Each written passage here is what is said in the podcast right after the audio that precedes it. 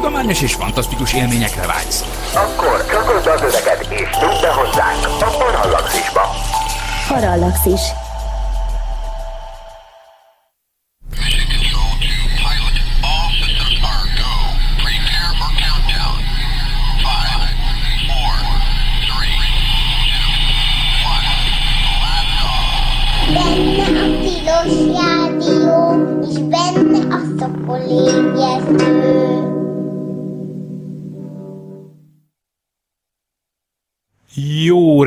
Kívánok! Ez itt valóban a Tilos Rádió a 90,3 MHz-es frekvencia modulált sávon, benne pedig a szokolébresztő.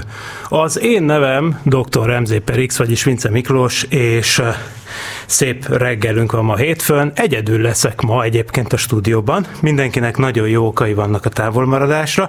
Werner Norbit akartam berángatni, ugye Skype vonalon, hiszen mint tudjuk, a Brünnben, vagyis Brunóban, vagy Berényben, vagy szóval ott lakik ebben a fantasztikus morvaországi városban, kutatgat, kutatgat, de ma intim titkok fogorvoshoz kellett mennie, ezért aztán nem tudott még virtuálisan sem befáradni a stúdióba, úgyhogy így alakult a mai nap. Viszont szerencsére van témánk bőven, amit kis felkészülés után úgy gondolom, hogy egyedül is uh, tudok abszolválni. És például a fő témánk egyébként az lesz, ami Péntek Tamásnak az e-mailje nyomán ötlött a fejünkbe. Hát igazából ő ajánlotta a Fekete Lovagos múltkori műsor után. Azt mondja, a Fekete Lovag után olyan, legalább olyan meredek témát szeretnék feldobni, de ha minden jól megy, ebben nincs semmiféle összeesküvés, ezt írja.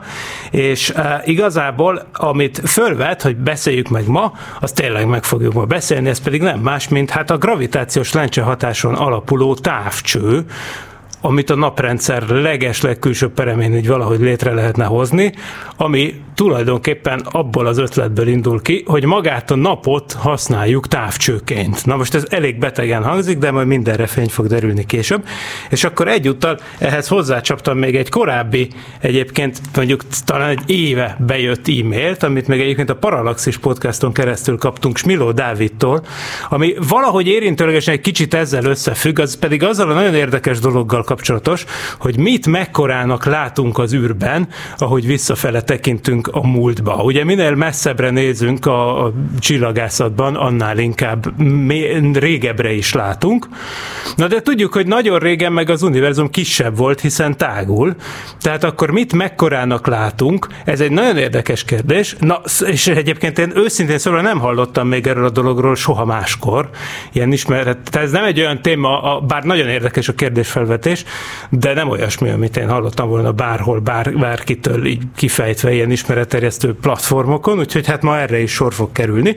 Előtte persze azért itt vannak még a, a rövid hírek rovat, például ez egy nagy örömünkre szolgált, hogyha emlékezik a tisztelt hallgatóság, néhány adással ezelőtt itt járt nálunk, hát az is csak Skype-on volt persze, de itt, mert én meg Amerikában voltam akkor, de, de virtuálisan itt járt nálunk Hírnatilla, Ugye Hírnatilla az vezető fejlesztője lényegében a, a Radmag műszernek, ami a RadCube nevű magyar fejlesztésű, de ÉZA konzorciális, több ország részvételével felépült műholdon repül. Na most ugye akkor még azt mondta, hogy a műszer kipróbálására még várni kell. Október 4-ét mondtak eredetileg, hogy kipróbálják a tudományos műszereket, aztán ez csúszott, csúszott, de végül úgy látszik, hogy minden remekül működik, és ehhez kapcsolódó hír, hogy, hogy az ÉZA 7 műszaki kép. Az ÉZA, tehát az Európai űrügynökségnek van a honlapján egy ilyen, hogy a hét műszaki képe, the technical picture of the day, és ebben most a, a konkrétan a Radcube tündököl, ott egy ilyen egészen jó, tök jó kis szép éjszakai Európa fölött repülő grafikán, úgyhogy hát e, gratulálunk a csapatnak. Hát egyrészt ahhoz, hogy működik a műhold, de ahhoz is, hogy milyen jó, hogy az ÉZA most annyira büszke erre a testjoggal erre a pici műholdra, hogy őket választotta, hogy ilyen fókusz fókuszba tegye. És hát ha már fókuszról beszélünk, akkor tényleg itt lesz a mai fő témánk, a gravitációs lencse fókusz. Na nézzük meg először is, hogy mi a túró az az egész ötlet. Ugye, amikor általános iskolába, középiskolába tanul az ember valamit optikáról, akkor ugye persze tudja, hogy egy gyűjtő lencse az úgy működik, hogyha jön két párhuzamos fénynyaláb, ugye? Párhuzamos, mert mondjuk nagyon messziről jön, annyira nagyon messziről jön valami tárgyról, hogy az már szinte párhuzamosnak tekinthető az a két fénynyelem, és akkor egyszer csak az útjába kerül egy lencse. Most ugye a lencsék azok általában olyanok, hogy, hogy például üvegből készült lencsék, az üvegben egyébként ugye más a törésmutató, mint az üvegen kívül, ami azt jelenti egyébként, hogy a fény belelépve elhajlik. Miért hajlik el? Azért hajlik el egyébként, mert a fény az arra szeretne optimalizálni egyébként, hogy a lehető leggyorsabban érjen mindig célba. Most ez persze egy ilyen misztikusnak tűnő dolog, hogy mit jelent az, hogy célba. Nagyon-nagyon sokat lehetne erről beszélgetni, hogy mit, mit tud és mit gondol a fény arról, hogy merre szeretne menni, és hogy ezt ő hogyan valósítja meg, de hát nem ez a mai adásnak a témája.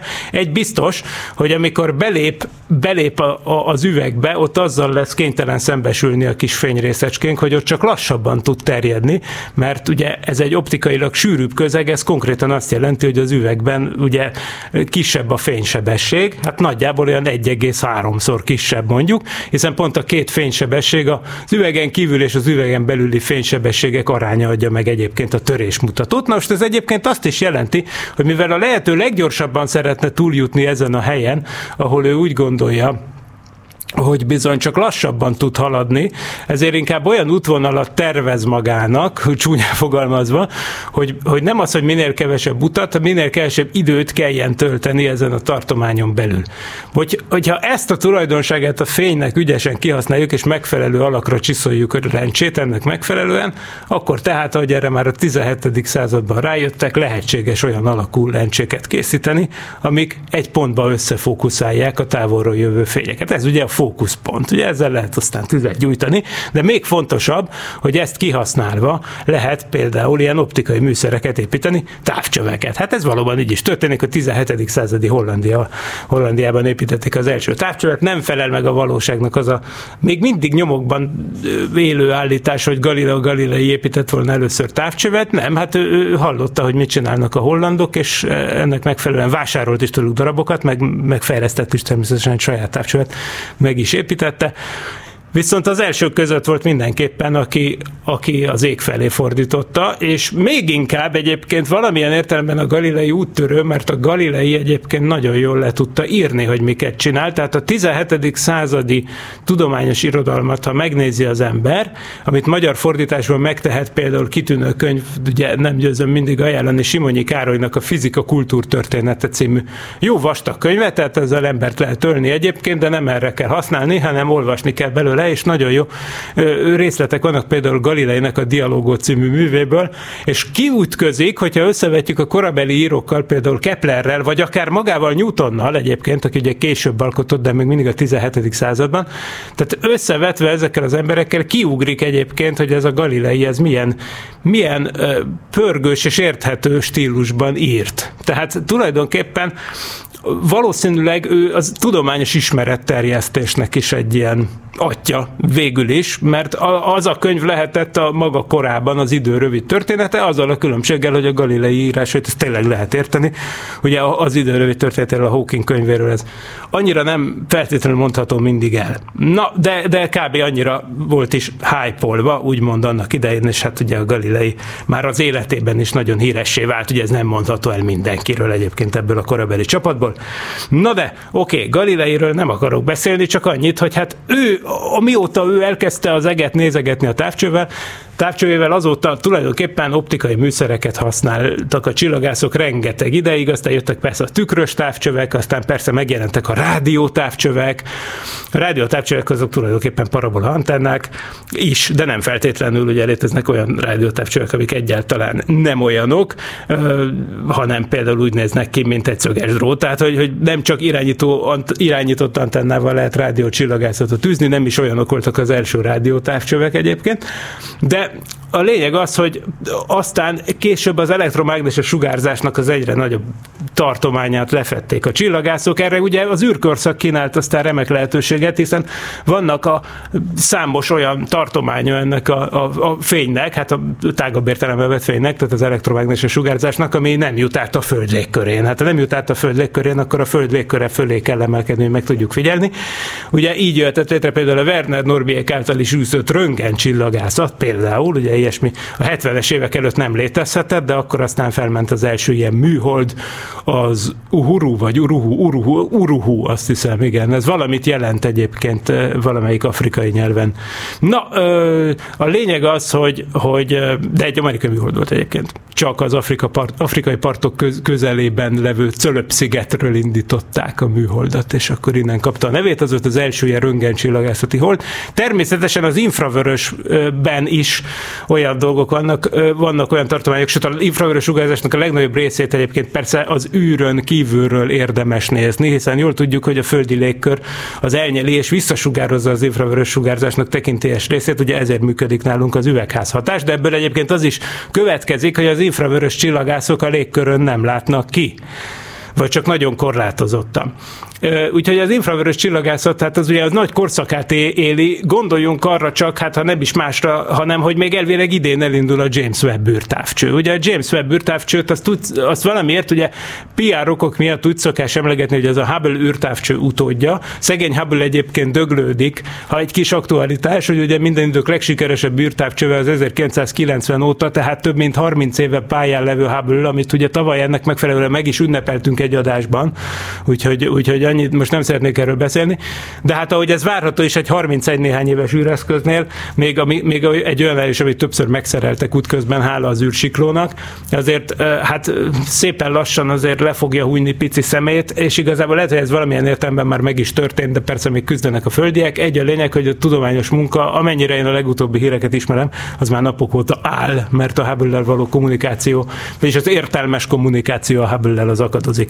Na de már jön ugye az, amit a PR-osok úgy hívnak, hogy a Hubble utódja, és akkor ez lesz a James Webb űrtávcső, ami egyébként erre mondom, hogy igazából ez egy csúsztatás némileg, hogy ez a Hubble ut- utódja, ugyanis bár a Hubble űrtávcső picit képes elmenni az ultraibolya meg infravörös tartományokba, de azért a Hubble az első sorban egy optikai távcső. Ehhez képest a James Webb űrtávcső, ami leánykori nevén Next Generation Space Telescope, NGST, következő generációs űrtávcső, ami még idén el fog indulni a tervek szerint egy Ariane rakétával, érdekes, tehát az Európai űrügynökség rakétával, az Európai űrügynökség közreműködésével kerül majd pályára ez a gigantikus űrtávcső, ami hát én nem is tudom már mennyi idő csúszik, de természetesen fogunk róla csinálni egy adást, de, de hát igazából uh, hát voltak olyan tervek, hogy annak már 20 éve pályán kéne lenni. Tehát az, az, az mindenképp már abból a szempontból is tanulságos ez a projekt, hogy tudományos impaktján kívül, ami nyilván írtózatos lesz, ha sikerül a dolog, de uh, hát ugye olyan szempontból is tankönyvi példa, hogy hogyan, hogyan tud egy űrprogram mind időben, mind költségvetésében a sokszorosára nőni annak, a, a, amit eredetileg beadtak. Na jó, de azt akarom csak elmondani, hogy ez egy infravörös távcső. Tehát a James Webb űrtávcső, ez egy infravörös távcső. Na már most még, az, ha már űrcsillagászatról beszélünk, akkor nem csak az számít egyébként, hogy hogy, hogy a légkör fölé kerüljünk, hanem még az, hogy az űr, űrnyi méretű távolságokra el lehet menni, az más lehetőségeket is kínál. Ezek egyike egyébként a nagyon hosszú bázisvonalú interferometria. Amikor néhány adással ezelőtt, egészen konkrétan a 117. adásban arról beszélgettünk, hogy hogyan navigálnak az űrszondák, akkor ugye felmerült a, a, az a dolog, hogy, hogy bizony az, az űrszondák pontos hely meghatározásához, nagyon hasznos tud lenni, hogyha a Föld két oldalán lévő két óriási parabola tányérral egyszerre, egy időben egyszerre veszik az űrszondáról jövő jeleket, és akkor lényegében a jeleknek az idő késleltetéséből, és ezek nagyon pontos, ugye az időjelek összehangolásával és az időkésések kiszámításából és utólagos elemzésből bizony ki lehet következtetni nagyon pontosan, hogy milyen irányban van az űrszonda, holott azt egyetlen egy rádiótávcsöves megfigyeléssel nem lehetne olyan pontosan megcsinálni. Ugye ez lényegében annyit jelent már, hogy, hogy a szög felbontása a megfigyelésnek, vagyis az, hogy milyen apró részleteket lehet látni az égen, az jelentősen megnövelhető, hogyha nem egy, hanem egyszerre két eszközzel figyeljük meg azt a dolgot, és utána nagyon pontosan összehetjük az adatokat. Ez az interferometria lényege. Na most ahogy itt is mondtam, ez például ez esetben egy rádiótávcsövekkel kapcsolatos, de természetesen elmondható, hogy minél nagyobb a bázisvonal, vagyis a két rádiótávcső közötti távolság, ugye annál finomabb felbontás érhető el. Természetesen az egyidejű megfigyeléseknek, amíg az ember nem hagyta el a Földet, korlátot szabott a Földnek az átmérője, mert hát nyilván annál messzebb nem lehetett két távcsövet letenni a Földre. Na de mióta ott van az űr, űrkutatás, azóta új lehetőségek nyíltak ez ügyben is. Létrejöhetett a még hosszabb Very Very Large Baseline Interferometry, VLBI, tehát a nagyon-nagyon-nagyon hosszú bázisvonalú interferometria, amikor már az űrbe lehetett fölküldeni távcsöveket, úgyhogy mondjuk több százezer kilométerre távolodjanak a Földtől, és akkor egyúttal a Földről is figyeljék, meg az űrből is párhuzamosan. Hát ilyenben egyébként magyar kutatók is részt vettek, emlékszünk Frey Sándorék annak idején a Kozmikus Geodéziai Obszervatóriumból, ha jól emlékszem, résztvevői voltak a, a japánokkal közös első ilyen űr-VLBI hold fejlesztésében, és, és ugye az adatok felhasználásában van, ez a VSOP nevű eszköz volt, ha jól emlékszem, és aztán persze az or- a szovjet tudomány is, vagy az orosz tudományos technológia is letermelte a Radio, Radio Astron nevű műholdat, ami lényegében ugyanezt tudja. Tehát igen, léteznek ilyenek, így, ilyen módon is behatol a csillagászat a világűrbe. Mert túl azon, hogy persze a bolygókhoz el, el lehet repkedni, hű de jó, de hogy a mély űr felé irányuló csillagászat is bizony így működik. Egyébként erre, ez nem szorosan ide tartozik, de hát két évvel ezelőtt, hogy mikor volt ez a fantasztikus bejelentés, amikor megmutat, meg azóta volt még egy, amikor megmutatták nekünk az esemény horizont távcsőnek a képeit, ugye annak idején Werner Norbival még az ősidőkben, a pre-covid ősidőkben csináltunk is erről egy adást, egy beszélgetést. Ott is egyébként, ha bár ott nem volt konkrétan egy űr rádiótávcső beleépítve a rendszerbe, de ott is egy nagyon-nagyon pontos interferometrikus vizsgálat volt ez az egész. É, nagyon sokáig zajlott, és rengeteg földi távcsőnek az adatát ejtették össze, és aztán még ráküldtek mindenféle öntanuló algoritmust, hogy az adatokból kibányásza a lényeget, és hát sikerült is, és ilyen módon sikerültek ezek a szenzációs felvételek, amiket bizonyára mindenki látott, ami egy fekete lyuk körüli akréciós korongot, meg hát magát a sötétlő eseményhorizontot mutatják. Szenzációs felvétel, és, és hihetetlen, hogy ilyeneket megértünk. Na, de hát ez még csak a kezdet, ugyanis akkor most jutunk el oda, hogy mit lehetne még csinálni az űrből, amivel még egy óriási nagyságrendet lehetne növelni azon, hogy mit vagyunk képesek észlelni a még távolabbi dolgokkal kapcsolatban. Hát ehhez el kell mennünk először is 1916 környékére.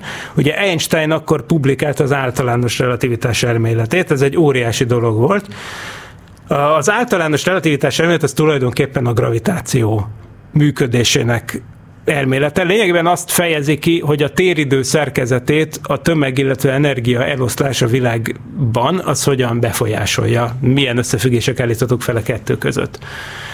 Ebből következnek olyan érdekességek, hogy valójában Ugye az egész egyébként a lényegében abból indul ki, hogy Einstein azt mondta, hogy lényegében nem lehet különbséget tenni a között, hogy az ember egy zuhanó liftben egy gravitációs térben szabadon esik, tehát vagy egy űrhajóban zuhan egy bolygó körül. Például ez esetben ugye azt tapasztaljuk a liftben, hogy súlytalanság van, hiszen ugyanolyan gyorsulással esik minden test függetlenül a tömegétől. Ugye hiszen épp a tömegével arányos a vonzás is, meg a tehetetlensége is a tömegével arányos. És ezért aztán ebből az következik, hogy bizony, bizony, bizony, ahogy ezt már Galilei is, az emlegetett Galilei már a 17. században bebizonyította, aztán még nagyobb pontossággal Ötves Lóránd is bebizonyította a 20. század elején. Szóval a testek tömegüktől függetlenül légüres térben ugyanolyan gyorsulással potyognak gravitációs térben. Ebből az következik, hogy a zuhanó liftben súlytalanság van. Én is ugyanolyan gyorsan esek, mint a lift minden pillanatban.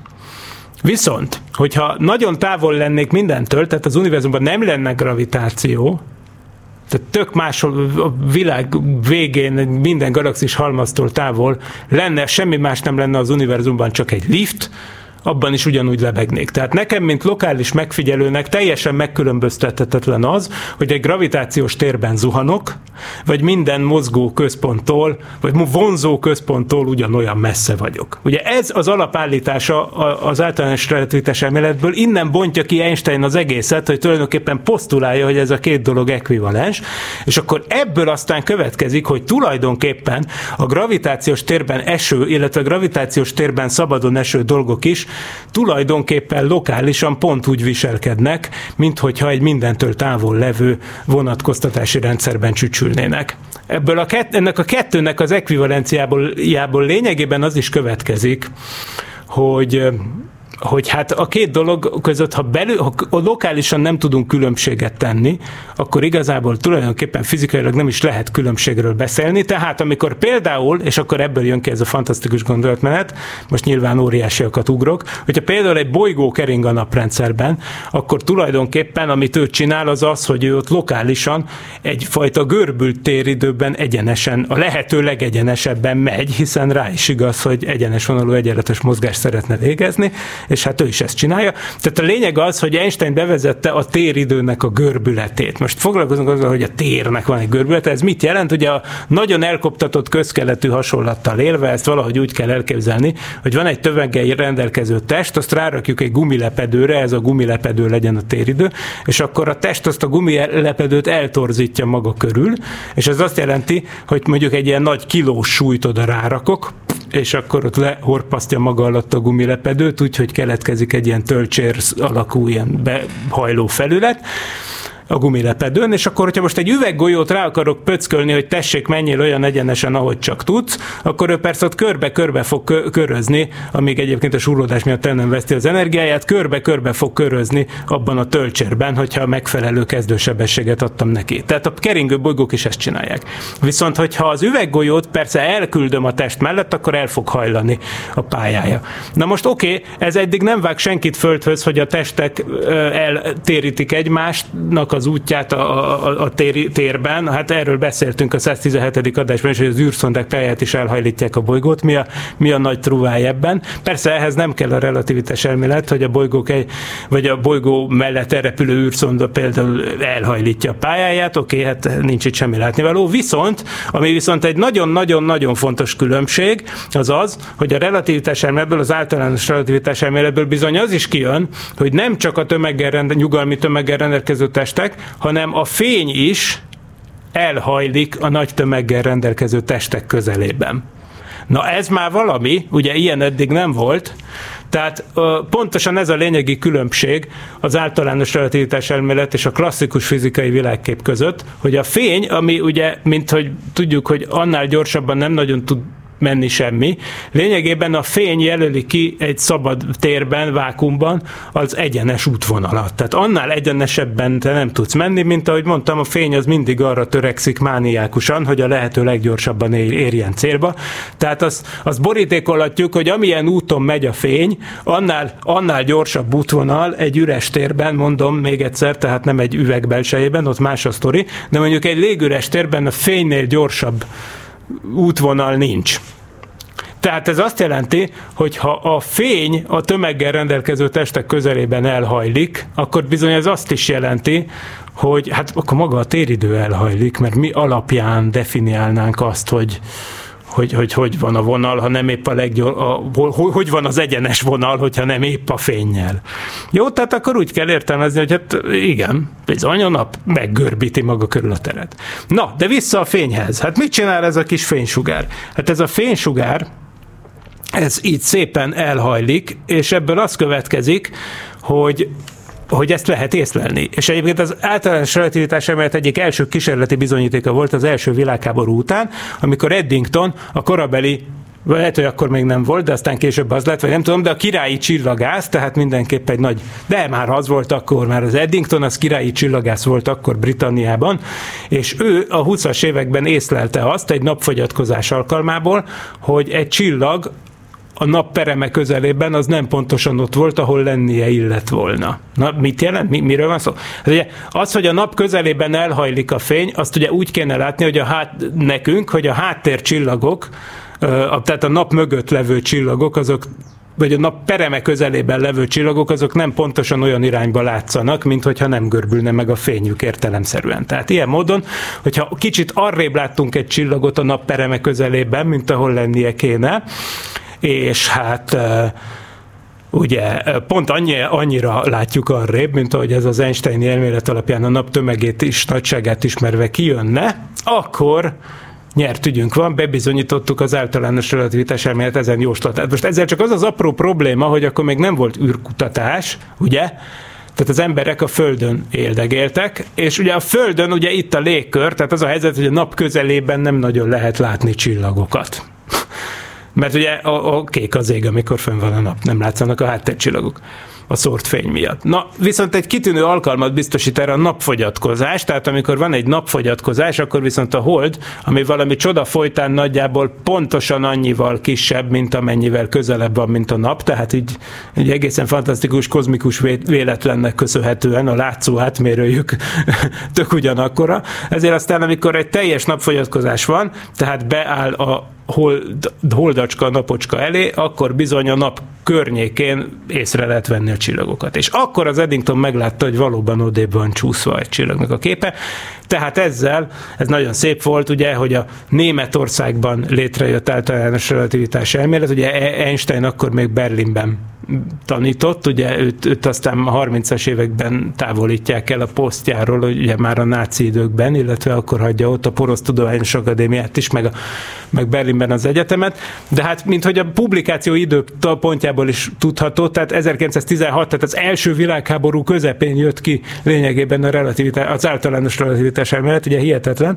Na most tehát ez egy német, ugye Berlinben jelent meg, ez egy német tudományos termék volt, és akkor egy ilyen szép dolog volt a korai 20-as években, hogy az első világháború után egymás ellen küzdő két hatalom tulajdonképpen ilyen módon tudományosan bizonyítja, hogy össze tud fogni, hogy az angol királyi csillagász mérései bizonyították annak a bizonyos Berlinben dolgozó Albert Einstein elméletének a helyességét.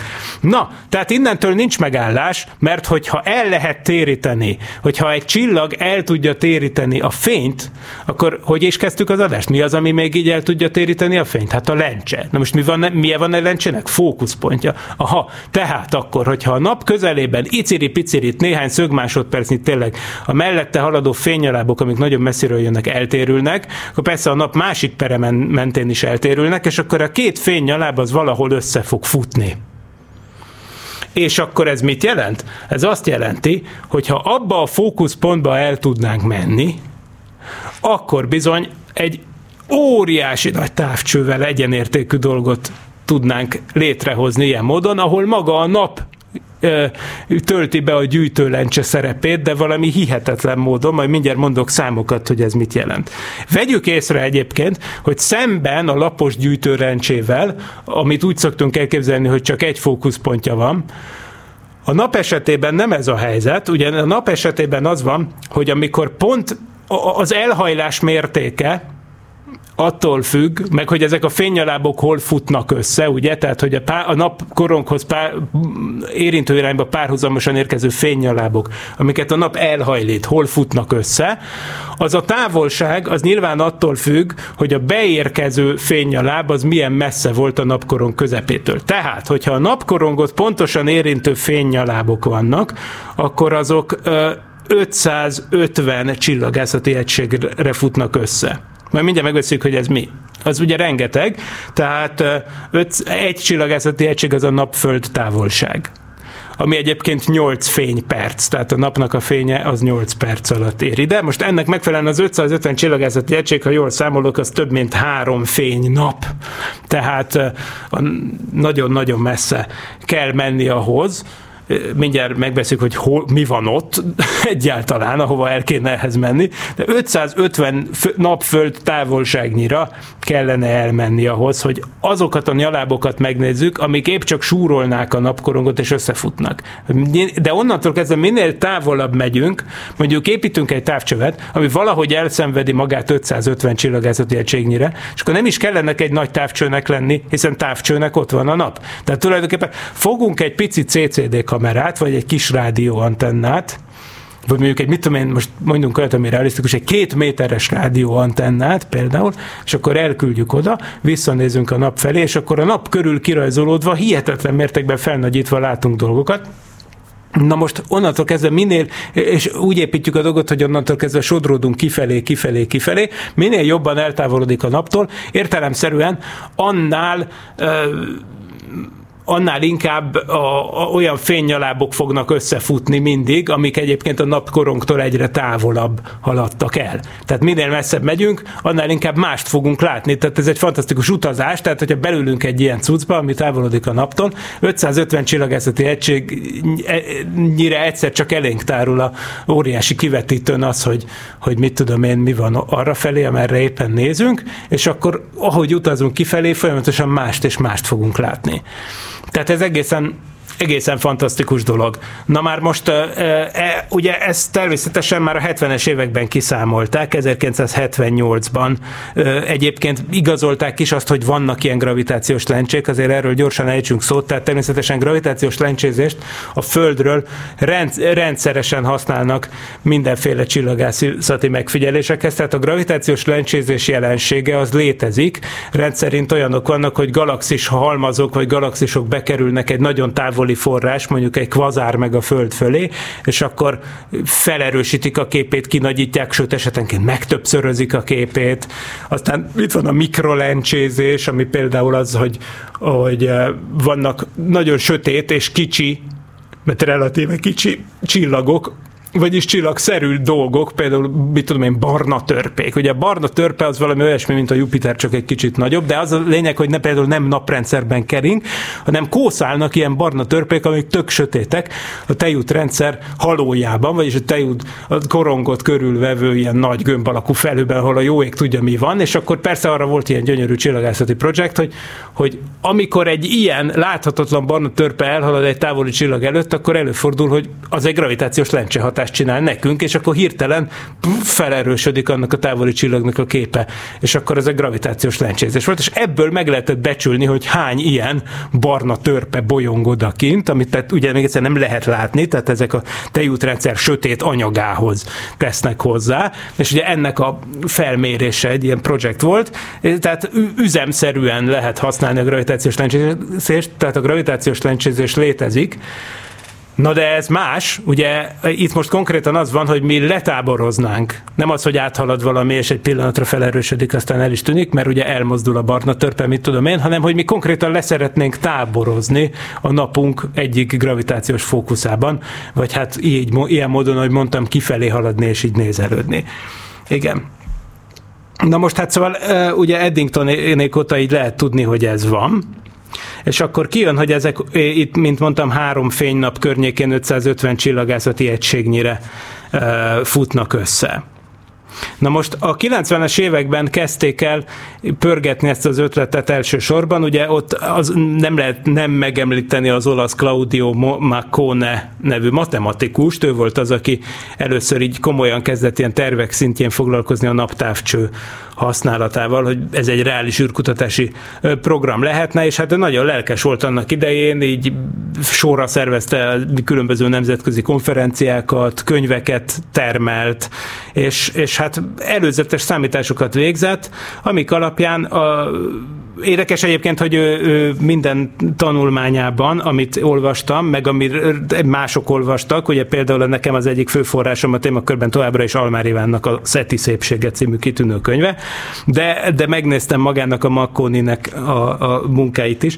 Ugye minden esetben ő rádió távcső juttatásán gondolkozott, egy, egyfelől azért, mert ugye hát az könnyű, másrészt mert úgy gondolta, hogy, hogy e, ezzel, ér, ezzel egy nagy, nagy szögfelbontás növekedés érhető el. Itt, itt vannak számítások erre vonatkozva, ezt próbálnám emberi nyelvre lefordítani, hogy, hogy mekkora nyeresség érhető el tulajdonképpen azzal, hogyha, hogy, hogyha oda viszünk egy, egy, mit tudom én, néhány, egy 10 méteres egyszerű antennát, mondjuk, és hát elképesztő, tehát próbálnám ezt valahogy úgy mondani, hogy igen, például, hogyha abba az irányba, ugye nagyon fontos, hogy itt az, hogy merre repülünk, az predestinálja azt, hogy mit fogunk látni.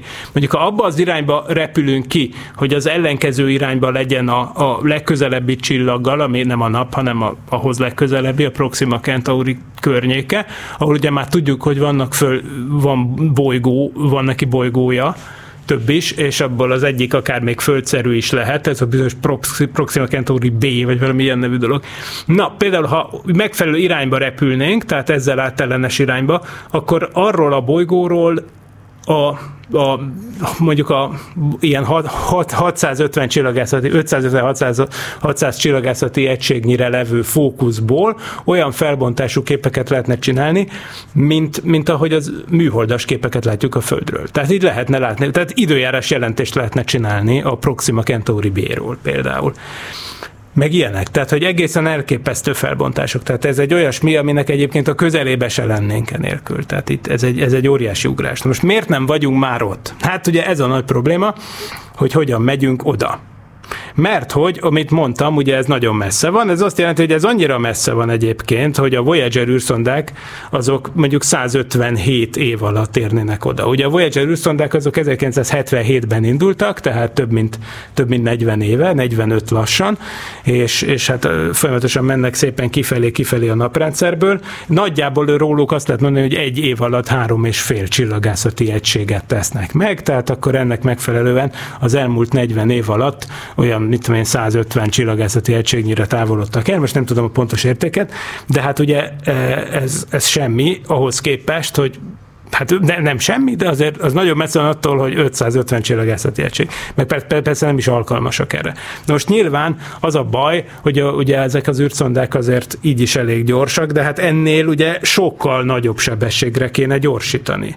Tehát a, a Voyager űrszondák azok a maguk másodpercenkénti 11 vagy 13 kilométeres sebességével az, az, az, az semmi ahhoz képest, ami ehhez kell, mert az alsó hangon egy olyan kutatási projekt kéne, hogy erre a helyre el lehessen jutni, a, ami, ami mondjuk olyan, hogy, hogy hát például 50 év alatt oda lehessen érni. Mert hát azért mégiscsak az egy teljes kutatói pálya, tehát hogyha valami hozzászámolva azt, hogy a várható életkorok egyre nőnek, ugye, abból mondjuk, hogyha egy fiatal kutató mondjuk 20 valahány évesen belevág egy ilyen projektbe, akkor még még nyugdíjas korában még épp, épp, épp észszel megélhesse az űrszonda célba érését és az első eredményeket. Tehát kb. ez a szint. Most, hogyha e, ez kell, akkor hát ahhoz viszont persze nagy sebességekre kell gyorsulni, ami egyébként annyira nem lehetséges, így a szokásos rakétás módszerekkel, de természetesen Claudio Maccone-nak erre is volt válasza, hogy itt bizony azért jelentős felgyorsulás érhető el, tehát hogy a Voyagereknél mint egy háromszor gyorsabb, 10 csillagászati egység per éves sebesség, ugye az kell ahhoz, hogy 10 év alatt elérjünk oda a fókuszba, vagy hát annál gyorsabb, tehát 10 csillagászati egység per év, az nagyon nagy sebesség. Hogyan lehetne ezt elérni? Hát persze, akkor megint utalnék a 117. adásra, a, hogyan navigálnak az űrszondák. Ugye ott bizony szóba esett az, hogy, hogy milyen gravitációs lendítő manőverekkel lehet sebességet változtatni, sebesség nagyságot és sebesség irányt. És a Maccone is azt javasolta, hogy, hogy meglepő módon a nap felé kell indítani ezt az űrszondát, meg pedig úgy, hogy nagyon közel repüljön el a naphoz,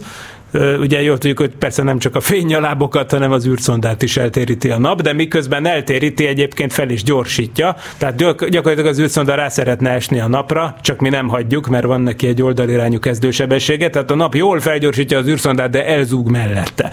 Most ez a felgyorsítás, ez nyilván annál jelentősebb tud lenni, minél inkább közel repülünk a naphoz, ami azért nem egy kis pálya, tehát ez egy önmagában az egy nagy probléma, hogy a naplé, ez egy millió fokos naplégkörbe berepülni, és akkor ott keresztül küldeni egy ilyen űrszondát, tehát azért nem triviális feladat. Ugye Jelenleg a, leg, a NASA-nak van egy űrszonda, ami kifejezetten nagyon közel kering a naphoz, de az is igazából még közelébe sincs ahhoz, amit optimális lenne. Tehát ez önmagában egy nagy technikai kihívás, hogy nagyon közel elhúzni a naphoz. Aztán utána olyan pályát javasoltam akkor, hogy még utána a Jupiterhez is ellendüljünk, Jupiter is lök egyet, aztán vissza a naphoz esetleg még egy lendülés a napnál, és akkor, vagy esetleg még egy, még egy, még egy a Jupiternél, ugye hát több számítást is végzett, de a lényeg az, hogy ilyen módon, bár ezzel nyilván évek telnek el, tehát ez, de még így is megéri, mondja, mert így eléggé felgyorsul a dolog, és akkor úgy már esetleg meg lehet közelíteni ezt a 10 csillagászati egység per éves sebességet,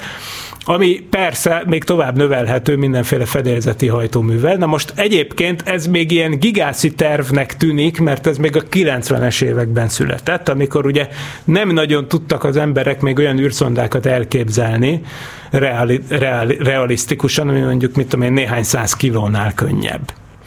És akkor nagyon alacsony értéket mondtam. Na most ehhez képest ugye, hát ott van most a Breakthrough Starshot nevű ötlet, ami, ami egyébként ideális lenne, ami ugye nagyon-nagyon-nagyon pici kis chip méretű, apró, icipici, relatíve buta, de nagyon könnyű papírfecni űrszondákat mindenféle rájuk integrált áramkörökkel, meg, meg jeladóval, meg beépített mini kamerával, meg ilyesmivel. Ilyeneket kéne kiküldeni. Most az tehát ilyen gramnyi dolgokat, vagy meg annál is könnyebbeket, és akkor ez azért lenne jó, mert persze könnyű dolgot mindig könnyebb gyorsítani, ráadásul ugye ezt lehetne gyorsítani lézerrel. Tehát egy fókuszált lézer nyalábbal fel lehetne gyorsítani, akár ugye ez, ez a cél legalábbis, ugye ez még távlati cél, de egy emberöltön belül talán megvalósítható, fel lehetne gyorsítani a fénysebesség egy tizedére. A fénysebesség egy tizede az egészen fantasztikus lenne, mert ugye az azt jelenti, hogy, hogy ne, nem hogy a gravitációs fókuszpontban, hanem a legközelebbi csillaghoz oda lehetne érni egyébként 40-50 év alatt.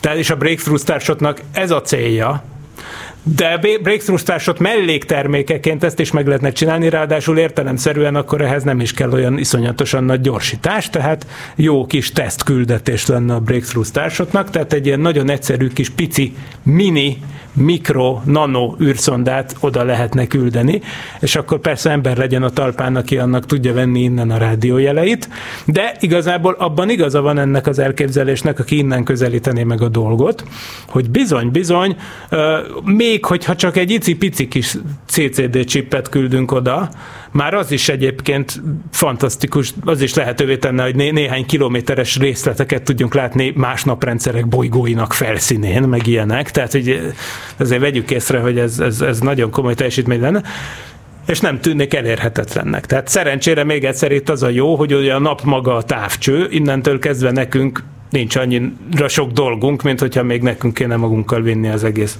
hóbelevancot. Igazából elég egy CCD csippet oda küldeni, vagy egy relatíve hétköznapi rádióvevőt. Egyébként még egy dolog, hogy egyébként ez egy nagyon érdekes megjegyzés, hogy a nap természetesen az általános relativitás emiatt értelmében nem csak a fénysugarakat téríti el, hanem a téridők kis fodrozódásait is, tehát a gravitációs hullámokat is eltéríti. Viszont a gravitációs hullámok abban különböznek nagyon a fénytől, hogy azok keresztül tudnak menni a napon, ugye? Tehát, hogy, hogy nyilván az, hogy ez az 550 csillagászati egység, ez, hol, ez, ez miért ott van, ez ugye azt határozta meg még egyszer, hogy a két olyan fénynyaláb, ami a nap szélét érinti, az hol fut össze. Ugye nyilván, hogyha a fény az keresztül tudna menni a napon, akkor közelebb is lenne a gravitációs fókusz, csak a fény az nem tud keresztül menni a napon. Viszont a gravitációs hullám, ami szintén fénysebességgel terjed, az keresztül tud menni a napon. Mi következik ebből? Hát az következik, hogy viszont a nap gravitációs hullámokat közelebbre tud fókuszálni, mert ott nem a napnak a tényleges geometriai átmérőjét kell figyelembe venni, hiszen még egyszer ott nincs kitakarási probléma, hanem igazából a napnak csak a Schwarzschild sugarát kell figyelembe venni, ami ugye az a az a sugár, ami azt mondja meg, hogy a napot mekkora méretűre kéne összepréselni ahhoz, hogy fekete lyukká váljon. Most mindegy, hagyjuk most ezt a témát. A lényeg az, hogy a gravitációs hullámok röhögve keresztül mennek a napon, semmi másról nem mondható ez el, tehát sem neutrinók, nem, semmi nem megy keresztül a napon, ilyen, ilyen módon, de a gravitációs hullám az keresztül megy. Ennek megfelelően közelebb fókuszálódnak a gravitációs hullámok, nagyjából az Uránusz-Neptunusz távolsága környékén, tehát egy elérhetőbb helyen a naprendszeren belül, tehát lehet, hogy nem lenne teljes hülyeség, és akkor még inkább elérhető, most már, hogy tudunk ugye üzemszerűen gravitációs hullámokat detektálni, lehet, hogy volna benne némi fantázia, mondom én, hogy a gravitációs fókusz ö, pontok valamelyikébe kéne elvinni, vagy fókusz távolság, ugye itt nem pontokról van szó. Tehát a fókusz távolságra kéne elvinni valami érzékelőt, és akkor felerősített gravitációs hullámokat lehetne nézni. Tehát tulajdonképpen a nap lehetne az első gravitációs hullám fókuszáló kísérleti távcső. Na, hát mindesetre ez nagyon érdekes, de hát most már az adásidő vége felé közeledve még egy dolog van, amit mondtam, hogy még szeretnék elmesélni, amit Smiló David vetett föl, mert egy kicsit-kicsit hasonlít. Ugye, és ez, ez pedig a következő gondolat, hogy a, amit elkezdtem az elején mondani, hogy ha valamit messzebb viszek, akkor ugye egyre kisebbnek látok. És most felejtsük el a, a gravitációs lencsét, most másról fogok beszélni. Kicsit hasonló dolog, de tök más. Tehát minél messzebb lerakom mondjuk ezt a tollat, ami itt van a kezemben, kétszer messzebb viszem, akkor kisebbnek látom. Egy idő után, ha már elég messzire viszem, akkor jó közelítéssel azt mondhatom, hogy, hogy az, hogy mekkora át szögátmérőjűnek látom, tehát hány fokos szög alatt látom azt a bizonyos tárgyat, az jó közelítéssel egyenesen arányos azzal, hogy minél messzebb pakolom. Ugye persze az arkusz tangensével, vagy mivel, na mindegy, hagyjuk, nem, nem, nem ilyet, de korán van még ehhez. A lényeg az, hogy nagyjából azt mondhatjuk, hogy minél messzebb rakunk valamit, annál kisebbnek látjuk. Na, hát mi ebben a meglepő? Hát az, hogy a, a kozmoszban ugye viszont tényleg az van, hogy azt mondjuk, hogy mondjuk a négy fényévre levő csillagfénye négy, négy évvel ezelőtt indult el. Oké, okay. na most mi a helyzet mondjuk a 10 milliárd fényévre levő objektumokról? Hát nyilván azt mondjuk, hogy annak a fénye 10 milliárd éve indult el, azt látom most a szemecskémmel vagy a távcsővel. Oké, okay. na de mi volt 10 milliárd évvel ezelőtt? Hát mondjuk az egész univerzumunk az mondjuk 13,8 milliárd éves, tehát akkor még, és tudjuk, hogy tágul, ugye ez egy tapasztalati tény, a mérési tapasztalat, hogy a világegyetem tágul, ugye ebből tudjuk kiszámolni, hogy mikor volt nagyon pici. Így jön ki, hogy mikor keletkezett nagyjából. Szóval 13,8 milliárd éves. Régebben kisebb volt a világegyetem. Aha. Na de hogyha kisebb volt a világegyetem, akkor ez mit jelent? Hogy az a dolog, aminek elindult felém a fénye, akkor még kisebb volt a világegyetem, tehát mondjuk ugyanaz a dolog, hogyha mondjuk egy standard méter rúd volt az, mondjuk egy olyan objektum, aminek ismerem a távolságát, mert tényleg mondjuk tényleg fel, hogy akkor is léteztek méterrudak. Most annak a méterrudnak a távolságát egy idő után én nem egyre kisebbnek fogom látni, mert hiszen minden, amit most látok magam körül, az a korai univerzum teljes mérete az én méretemre fölnagyítva azokból a régi időkből. Ez azt jelenti egyébként, hogy ez és ez nagyon vicces, hogy ahogy egyre inkább messzire nézünk, az ugyanolyan méterrudakat egyre rövidebbnek és rövidebbnek látjuk, de aztán elérkezünk egy ponthoz, amikor elkezdjük őket egyre hosszabbnak és hosszabbnak látni, és éppen emiatt, mert akkor már annyival kisebb volt a világegyetem, hogy a világegyetem egészéhez képesti mérete, az nagyobb volt, és mivel én az egész világegyetemet látom a mostani vászonra úgymond felnagyítva, ez egyébként Dávid hasonlata volt, hogy egy kisebb világegyetem képe egy nagyobb vászonra vetítve, az, amit visszanézünk. Ebből következően hogy eltávolodva tényleg egy, egy szint után valóban, ezt jól gondolta Dávid a levélírónk, egyre hosszabbá tudnak válni ezek a méterrudak látszó átmérőiket tekintve.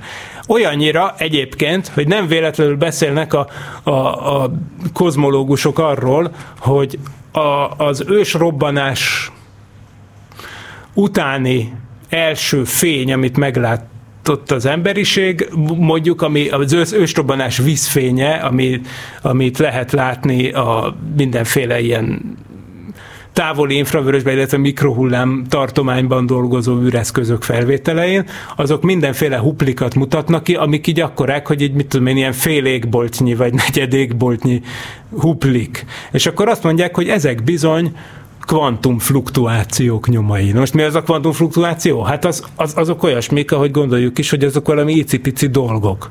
Tehát mit jelent? Az, hogy, hogy, az, hogy valami olyasmik vannak oda kinagyítva, ilyen óriási méretre az égbolton. Mondom, ezt szabad szemmel nem látjuk, csak azokkal a nagyon érzékeny uh, űreszközökkel, például a Planck nevű műholddal, vagy a Kobe-vel, vagy a WMAP Wilkinson anizotropia szondával, tehát ezekkel az űreszközökkel, amiket lehetett látni, azok lényegében atomi méretű fluktuációk felnagyítva egy hatalmas világegyetemre, mert azok még akkorról maradtak, amikor az egész univerzum akkora volt, mint egy, mint egy atom. Tehát, hogy azoknak a lenyomatai tulajdonképpen. És, és ez, ez, ezt látjuk ilyen óriási méretűre kinagyítva. De tehát az az érdekes, hogy egyébként abból, hogy mi a, ebből a tesztből, amikor ezt ritkán csinálják, de ez egy létező, létező módszer, hogy igazságot tegyünk azzal kapcsolatban, hogy hogyan tágul a világegyetem, hogy meg kell nézni ezt, az, ez úgy, úgy hívják egyébként, hogy angular diameter test, tehát hogy szögátmérő teszt. Ez pontosan e, azt tudná nézni, hogy a dolgokról, amikről tudjuk, hogy ugyanakkorák, most nehéz ilyet találni, tehát igazából nincs méterrudakkal tele a világegyetem, de van néhány dolog, amiről úgy lehet tudni, hogy, hogy hát ezek mindig ekkorák, úgy tudom én, galaxisok tipikus átmérője, vagy ilyesmi. Tehát ilyeneket lehet nézni, lépni, és akkor az, hogy minél nagyobb a vörös eltolódása, tehát minél inkább a múltból jön a fény, minél inkább messzebbi, tulajdonképpen annál mikor kezd el egyre nagyobbnak tűnni, és az alapján, hogy megmérik, hogy ez az átváltási pont, ez hol történik, abból egyébként el, szét lehet válogatni, hogy vajon uh, hogyan tágult a világegyetem. Tehát ebből lehet ilyen következtetéseket levonni. Egyébként az nagyjából az egy és a tíz vörös eltolódás érték mentén van valahol ez a pont, ami azt jelenti, hogy hát Na jobb, most, most látom már az időt, 9 óra 56 perc, úgyhogy rövidre zárom a dolgot. Tehát nagyon érdekes, hogy amit Dávid felvetett egyébként, az tényleg van, tehát tényleg létezik egy olyan ö, távolság, amin, am, aminél az a helyzet, hogy egyre inkább nőni kezdenek a dolgok. Ez így van, és ilyen a világ, amiben élünk. Szóval ilyen értelemben egy kicsit nem triviális a helyzet a világegyetemben, azt kell, hogy mondjuk és a gravitációs lencsézés is valahol valami ilyesmi tulajdonképpen. Tehát nagyon távoli dolgokat nagyon nagyra kinagyítva, nagyon szétkenve tudunk megnézni akkor is, ha jó helyre megyünk. Hát reméljük, hogy a fokál program az valóra válhat valamikor. Fokál, ezt nem is mondtam még ki. Tehát ennek a Maccone által javasolt tervet, erről a küldjünk távcsövet a gravitációs fókuszba, ez a Fokál néven fut, focal, azt kell beírni az internetbe. Hát Jelenleg nincs mögötte hivatalos támogatás. A 90-es években a NASA-nak volt egy ilyen tervjavaslata, hogy Thousand Astronomical Units, vagyis röviden TAU, ami, ahogy a neve is mutatja, oda ezer csillagászati egységnyire repült volna el. De végül e, e, ehhez hozzá lehetett volna csapni ezt a fokáltervet természetesen, de végül ez nem, nem került finanszírozásra ez a terv, csak előzetes tanulmányok születtek. Tehát ezért reméljük valóságra vál, valósággá válhat egy nap ez az utazás, ez a kozmikus távcsőhöz. Viszont az adásunk ma véget ért, úgyhogy köszönöm szépen a figyelmet mindenkinek, ez volt tehát a Szokolébresztő, két hét múlva újra jelentkezünk, és addig pedig mindenki érezze jól magát, jó napot, jó hetet kívánok mindenkinek. Sziasztok!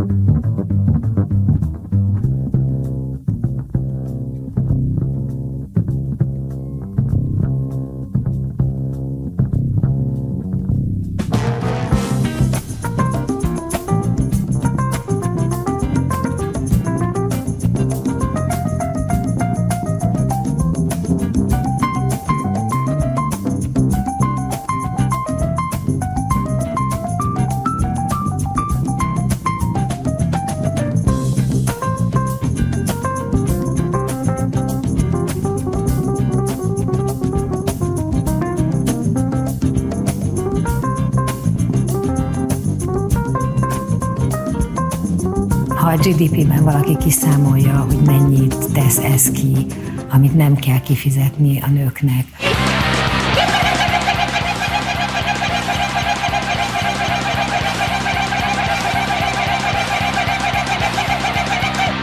Szültél már ma? Család, nők, propaganda és kényszerek. Tematikus nap a Tilos Rádióban. November 18-án csütörtökön, reggel 9-től este 8-ig szakértőket, kutatókat hallhattuk az éterben. A részletes napirendet megtaláljátok a rádió ismert felületein. 11 hét már, a rendőr